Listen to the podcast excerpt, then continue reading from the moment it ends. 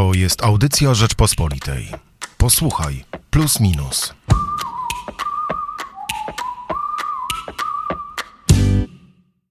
Jak nie mówić o historii? To motyw przewodni najbliższego plusa minusa. Otwieramy go tekstem Jacka Borkowicza, który przygląda się chyba najbardziej drażliwej i spornej kwestii współczesnej polskiej historii, czyli winie i wyobrażeniom o winie za Holokaust. Witam Cię, Jacku, w naszym podcaście. Dzień dobry, witam Państwa. Zaczynasz swój tekst od szczegółu. E, sprawy książki Dalej jest noc e, profesorów Barbary Angelkinki Jana Grabowskiego oraz pozwu e, Filomeny Leszczyńskiej. Rozumiem, że Twoim zdaniem w pewien sposób mm, pokazuje to złożoność pamięci o winie i historii. No przede wszystkim należy rozróżnić dwie płaszczyzny procesu i sprawy cywilnej i osobistej pani Filomeny Leszczyńskiej i całej, całego tła tej, tej, sprawy, które jest i polityczne, a jeszcze w kolejnym, w kolejnej odsłonie zahacza o, o tę całą e, wielką otoczkę pamięci. I, I o ile proces sam jest no, pewnym wydarzeniem historyczno-sądowym, tak bym powiedział, chociaż jest precedensem ważnym, może o tym jeszcze będziemy mówili, to y, sama sprawa y, jest o tyle ciekawa i charakterystyczna, że jest kolejną odsłoną bardzo starego sporu, który ja y, no, nazywam sporem polsko-polskim, dla odróżnienia od tego, by nie mówić o sporze polsko-żydowskim, bo, bo byłoby to jednak pewne zafałszowanie wbrew pozorom. I rozumiem, że jakby sprawa ogniskuje e, właśnie tą mm, złożoność i ten spór. Pokazuje, e, bo pokazuje, że dzięki swojemu tekstowi dużo szerszy kontekst, wychodząc tylko i wyłącznie od tego pozwu. No tak, ta, ta, tam kontekstów jest parę. Jest, jest, jest kwestia, kwestia żydowskiej tragedii i jakiegoś niewątpliwego udziału w nim populacji polskiej no to jest tutaj już cały, cała gama ocen i, i, i reakcji na te, na te oceny. Jest też kwestia zasadnicza pewnego podejścia do, do, do tego problemu, e, który w dekadach powojennych, no nieszczęśliwie, ale tak, e, tak się po prostu złożyło, że, że, że został zafiksowany w terminologii Polacy Żydzi, co y, ja od pewnego czasu staram się y, ten schemat naruszyć, y, wziąwszy pod uwagę perspektywę obywatelską. Wydawałoby się, że to dosyć oczywiste, że e, ten podział jest e, no, trochę sztuczny, bo w końcu bardzo wielu e, Polaków żydowskiego pochodzenia jednak kulturowo było związanych z Polską i ten podział wydaje się sztuczny, a jednak chyba jest trwały. No to może jest oczywisty dla antropologa i historyka przedwojennej Warszawy, ale e, zauważ, że to są różne rzeczywistości, bo e, na tablicach muzealnych, czy też we wszystkich wydaniach Wikipedii, czy też przewodników, no można przeczytać, że tylu i tylu Polaków i tylu, i tylu Żydów zginęło, Auschwitz, czy też e, w innych obozach, ale mówię Auschwitz, bo tam to jest pewna ikona męczeństwa, a też e, Polacy i Żydzi e, ginęli tam razem. To się, to się traktuje rozłącznie, natomiast to jest, no to jest, to są zbiory na siebie zachodzące. I zachodzące na siebie niejako organicznie. Tego się rozdzielić nie da, tak jak nie da się rozdzielić szczepu gałązki y, rosnącej razem y, z, pniem z innego szczepu. Ale to wcale, to co ci się wydaje oczywiste, to wcale oczywistym nie było w tego typu, w tego typu martyrologicznych rozliczeniach. Tutaj panował pewien inny porządek jakby. Ja nie, nie imputuję złej woli mm, osobom, które się tą narracją posługują, albowiem cały świat tak mówił, a szczególnie mówi tak Zachód, ponieważ no to jest świat, który jednak pewne schematy wojenne upraszcza. Więc łatwiej jest mówić Poles and Jews, prawda, Polacy i Żydzi, niż w pewnej narracji mówić obywatele polscy żydowskiego pochodzenia, czy też spolonizowani Żydzi. Język, język potoczny dąży do uproszczeń, mają pewne prawa, ale to niestety prowadzi do pewnych spłaszczeń i zafałszowań perspektywy. To uproszczenie wydaje mi się trochę, mm, no, rzekłbym mocno wręcz antysemickie, bo z natury zakłada, że Polacy nie mogą być Żydami, a Żydzi nie mogą być Polakami. No ja bym y, tutaj był powściągliwy z, y, z tym epitetem, bo termin antysemityzm jest, jest nadużywany niestety często dla, dla wykazania krytyki wobec cudzych poglądów. A, tym, a tymczasem antysemityzm jest rzeczywiście zjawiskiem złym, bardzo złym nawet, to muszę podkreślić. I nie mówię tego, aby kwestię antysemityzmu łagodzić, ale właśnie ją wyostrzyć. Natomiast y, pojęcie antysemityzmu jest definiowalne i ma, i ma, swoje, i ma swoje wyraźne granice. Jeżeli ktoś, y, dopóki ktoś twierdzi, że, że Żydzi jako zbiorowość jest w jakikolwiek sposób gorsza od innych, wtedy jest to wypowiedź antysemicka. I takie granice ogólne można, ogólne, ale też ostre, można, no, no, można przyjąć jako definicję. Ale też takich uproszczeń, jak wnoszę z tego tekstu, można zbudować nawet całą piramidę, która składa się z poszczególnych warstw, które będąc uproszczeniami poprowadzą do punktu, w którym e, daleko e, odbiegają od, może trudno powiedzieć nawet rzeczywistości, bo historia podlega różnym ocenom, ale e, stają się po prostu zwykłą interpretacją. Chyba jako przykład najlepszy e, mogę podać to, o czym piszesz, no, w pewnej wyraźnej linii podziału między dobrymi Żydami a złymi Polakami, widocznej Twoim zdaniem u Jana Grabowskiego, bo jeśli już założyliśmy e, sztywny podział na Żydów i Polaków, to nagle jednocześnie na tym budujemy pewną dosyć twardą ocenę moralną. No tak, y, rzeczywiście. Y, tu muszę zaznaczyć od razu coś, y, co w moim tekście jest na końcu, ale tutaj y, no, nie chciałbym, żeby pewne osoby od razu wyłączyły odbiorniki. Mój tekst, w mojej intencji przynajmniej, jest obroną Jana Grabowskiego, obroną trudną. To znaczy nie, unikającą krytyki, bo zakładam, że jednak kiepską, kiepską apologią jest, jest, jest obrona na kolanach. A tutaj przepraszam, może to nadużywane określenie, nie mam tutaj y, konotacji żadnych politycznych. Chodzi o to, że y, w pracach profesora Jana Grabowskiego, ale powiedzmy szczególnie y, o dziele Dalej jest noc, w którym jest on autorem pewnej części, jednej monografii powiatu węgrowskiego, natomiast, natomiast odpowiada za całość jako redaktor.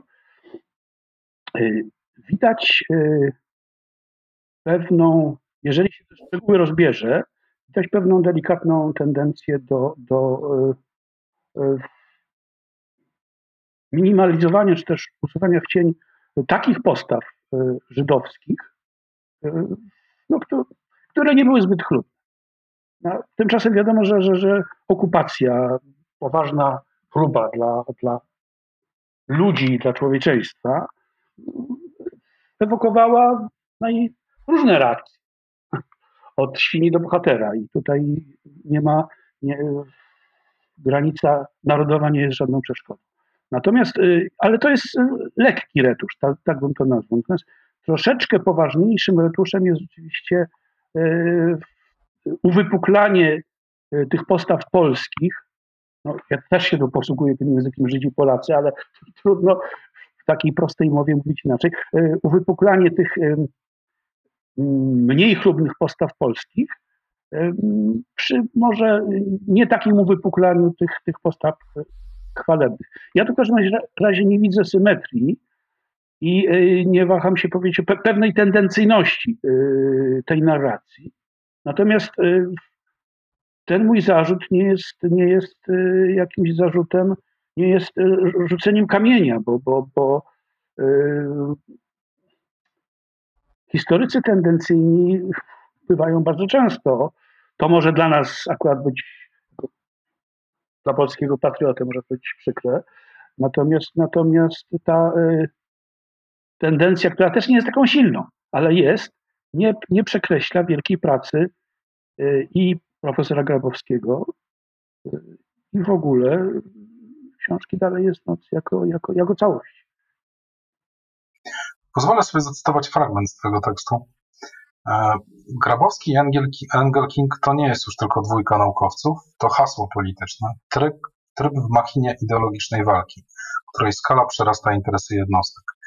Ich decyzja przestała być prywatnym wyborem, przynajmniej tak mogą to odczuwać. Mm. No to dosyć mocna ocena. E, pozbawia ich trochę podmiotowości. Trzeba pamiętać, Ja tak przypuszczam. Chciałbym, żeby tak było, bo, bo y, jest to odpowiedź. Trzeba pamiętać o kontekście, w jakim to jest napisane. Y, jest to odpowiedź na, na zarzuty, że, że profesor Engelking i profesor Grabowski od razu nie, nie powiedzieli przepraszam, czy, czy, też zamierzają się odwoływać. No, moim zdaniem teoretycznie najprościej byłoby to zrobić faktycznie, ponieważ, ponieważ Wyrok Warszawskiego Sądu Okręgowego wbrew obawom yy, te obawy nie były nieuzasadnione. Yy, wbrew obawom był wyrokiem, wyrokiem. Rzeczywiście nie wypowiadał się ani o wartości prac historycznych, ani o przeszłości bohaterów, ani też o yy, w ogóle o relacjach polsko-żydowskich, czy tym bardziej kwestiach, kwestiach moralnych. Sędziowie rozstrzygnęli tylko, że, że w tym jednym wypadku stryj pozywającej pani, pani Filomeny Leszczyńskiej e, nie można mu, nie można mu udowodnić e, współudziału w zabiciu 18 Żydów. Co też pani, e, co też pani Engelking napisała w swojej książce, że, że jest on współwinny śmierci kilkudziesięciu Żydów. Tego udowodnić mu nie można i tylko tego dotyczy wyrok. I e, teoretycznie wydawałoby się, że najprościej po takim wyroku jest rzeczywiście zastosować się do, do jego litery i przeprosić panią, panią Filomenę Szczyńską. Natomiast jeżeli tego nie ma ze strony, ze strony, ze strony w tej chwili, ze strony osób tak zasądzonych. Jeżeli słyszymy zapowiedzi odwoływania się, to ja no, spodziewam, spodziewam się, że, że jest to bardzo trudna decyzja. Właśnie z tego powodu, że, że, że to już nie jest tylko w tym momencie ich własna osobista decyzja, stali się osobami publicznymi, a ta, ten poziom publiczności przekracza granice naszego kraju. Ale dosyć jasno nazywasz ten spór e, pewnym trybem w machinie ideologicznej walki. Zresztą pisząc w pewnym momencie tekstu, że to jest starcie między zagrożoną wolnością nauki i zagrożoną godnością narodu. E, może... Ja to piszę w cudzysłowach. Oczywiście, ale może w tym sporze nie o prawdę chodzi, tylko po prostu o rację, jeśli jest to walka ideologiczna, więc wyrok staje się sprawą drugorzędną. Powiem tak. Yy, moim zdaniem jest to yy, w obu wypadkach nie chodzi o prawdę, ponieważ, yy, ponieważ yy, nie jest nie jest prawdą taka narracja, w której Polacy jako naród, jako zbiorowość mieliby być opatrzeni jakimś, jakimś stygmatem antysemityzmu. A niestety y, ja tego nie zarzucam y, ani pani profesor Engelking, ani pani no, profesorowi Grabowskiemu. Zresztą każdy, kto przeczyta mój tekst, będzie to świetnie rozumiał. Mówię tylko o, o pewnych środowiskach, które, które, które kibicowały temu procesowi.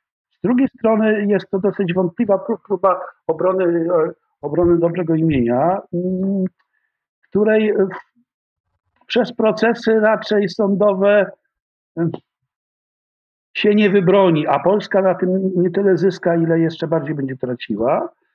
Y, dlatego uważam, y, że, że zarówno tromtadracja narodowa, jak i, jak i rewizjonistyczna, antynacjonalistyczna y, dialektyka jest, jest rzeczą błędną. Natomiast, jak powiedziałeś, że ten proces będzie no, takim epizodem historycznym, nie.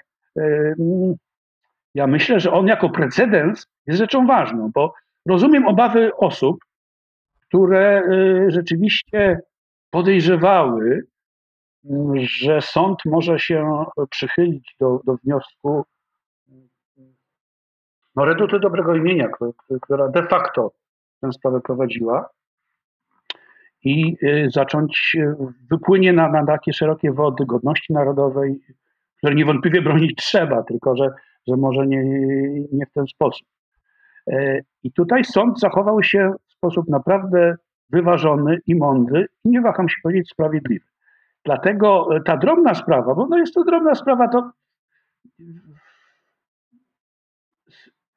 700 czy tam, e, nie wiem ile tam jest stron, chyba w obu, obu tomach ponad tysiąc pisanych maczkiem stronicowej pracy, mm, ktoś zakwestionował pewien szczegół historyczny, który no, w sposób bolesny narusza dobra osobowo, osoby żyjącej, Natomiast ponieważ to się zdarzyło po raz pierwszy i e, no napisałem zresztą, że, że sąd przepłynął między styl a charybdą wygórowanych oczekiwań, to myślę, że taki precedens, dobry i sprawiedliwy, rozsądny przede wszystkim, przyniesie pożytek w przyszłości. Także te, e, no, może do tego procesu nie, lepiej byłoby, żeby do niego nie, nie doprowadzić, ale skoro już był, to dobrze się stało, że, że był, ponieważ skończył się takim wyrokiem.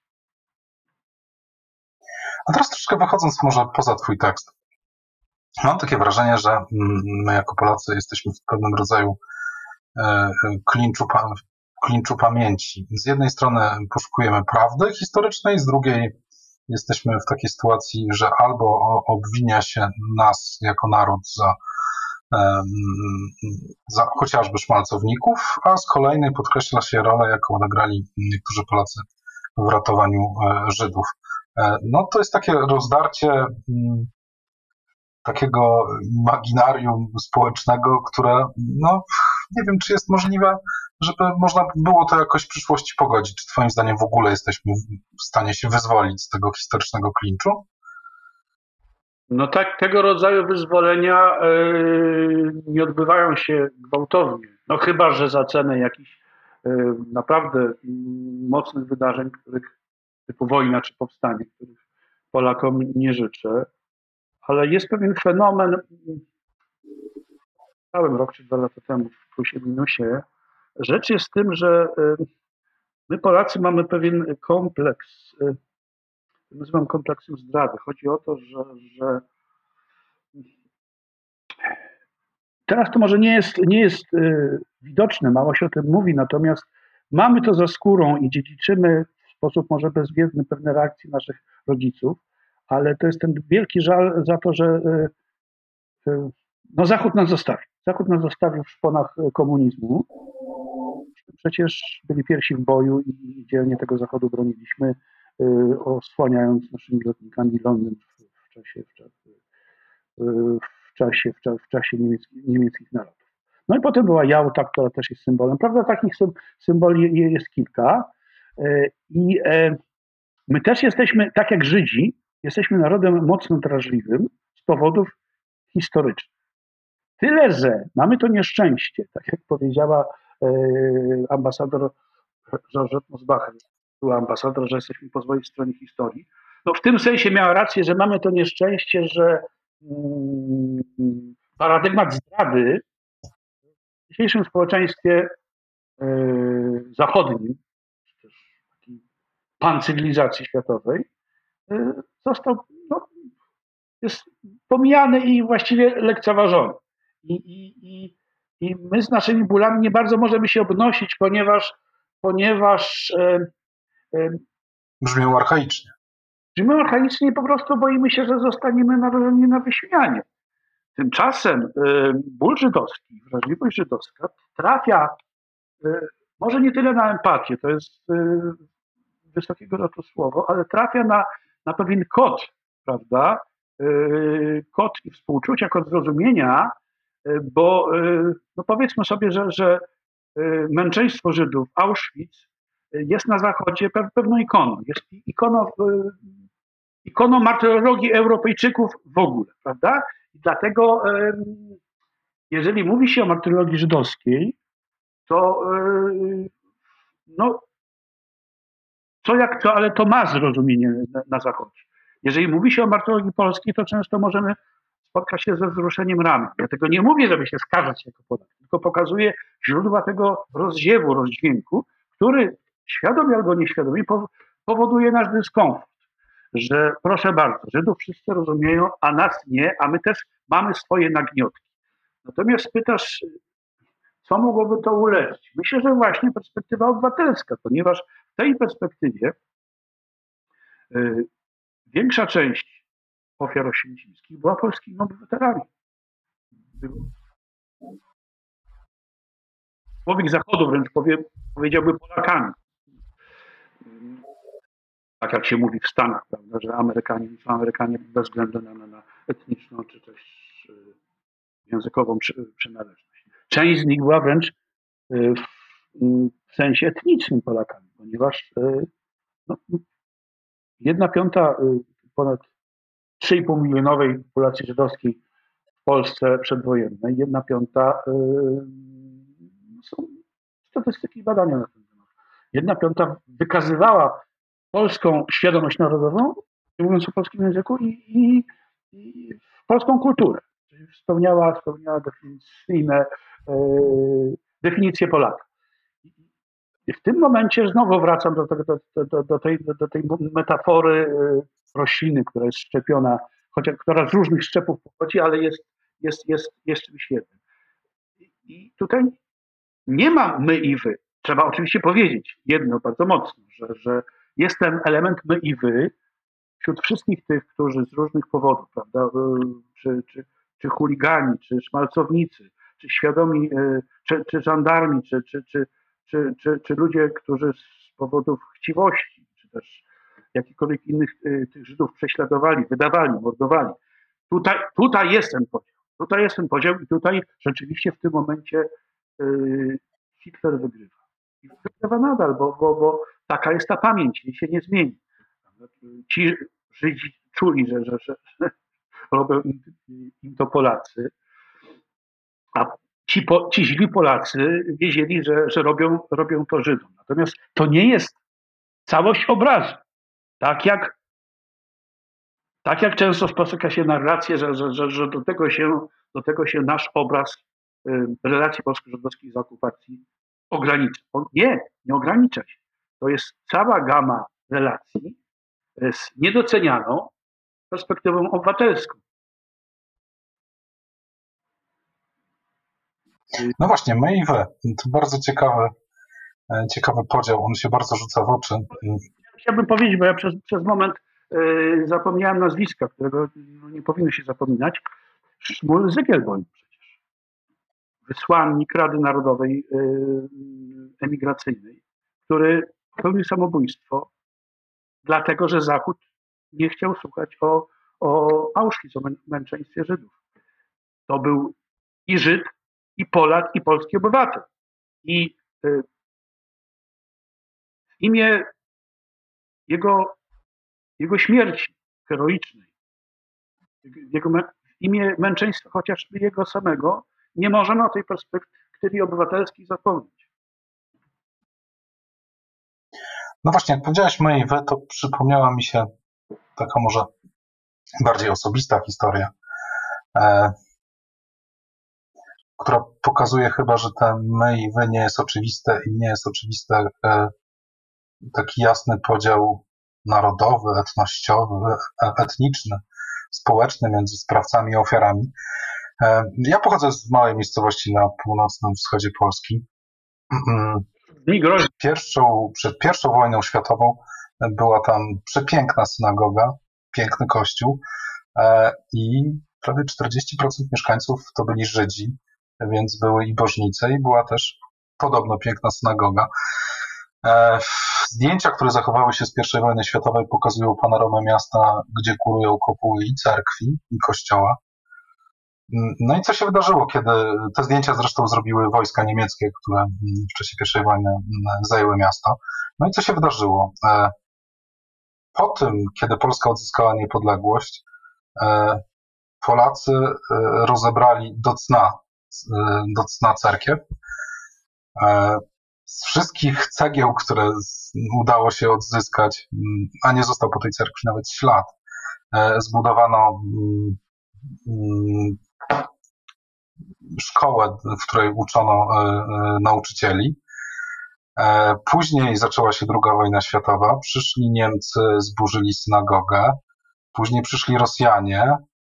Jak zobaczyli, jak, jak gdyby w ramach chyba kolejnego rewanżu historii po Polakach, którzy rewanżowali się z zabory, praktycznie wszystkich tych nauczycieli, którzy uczyli się w tej szkole, wywieźli na Sybir.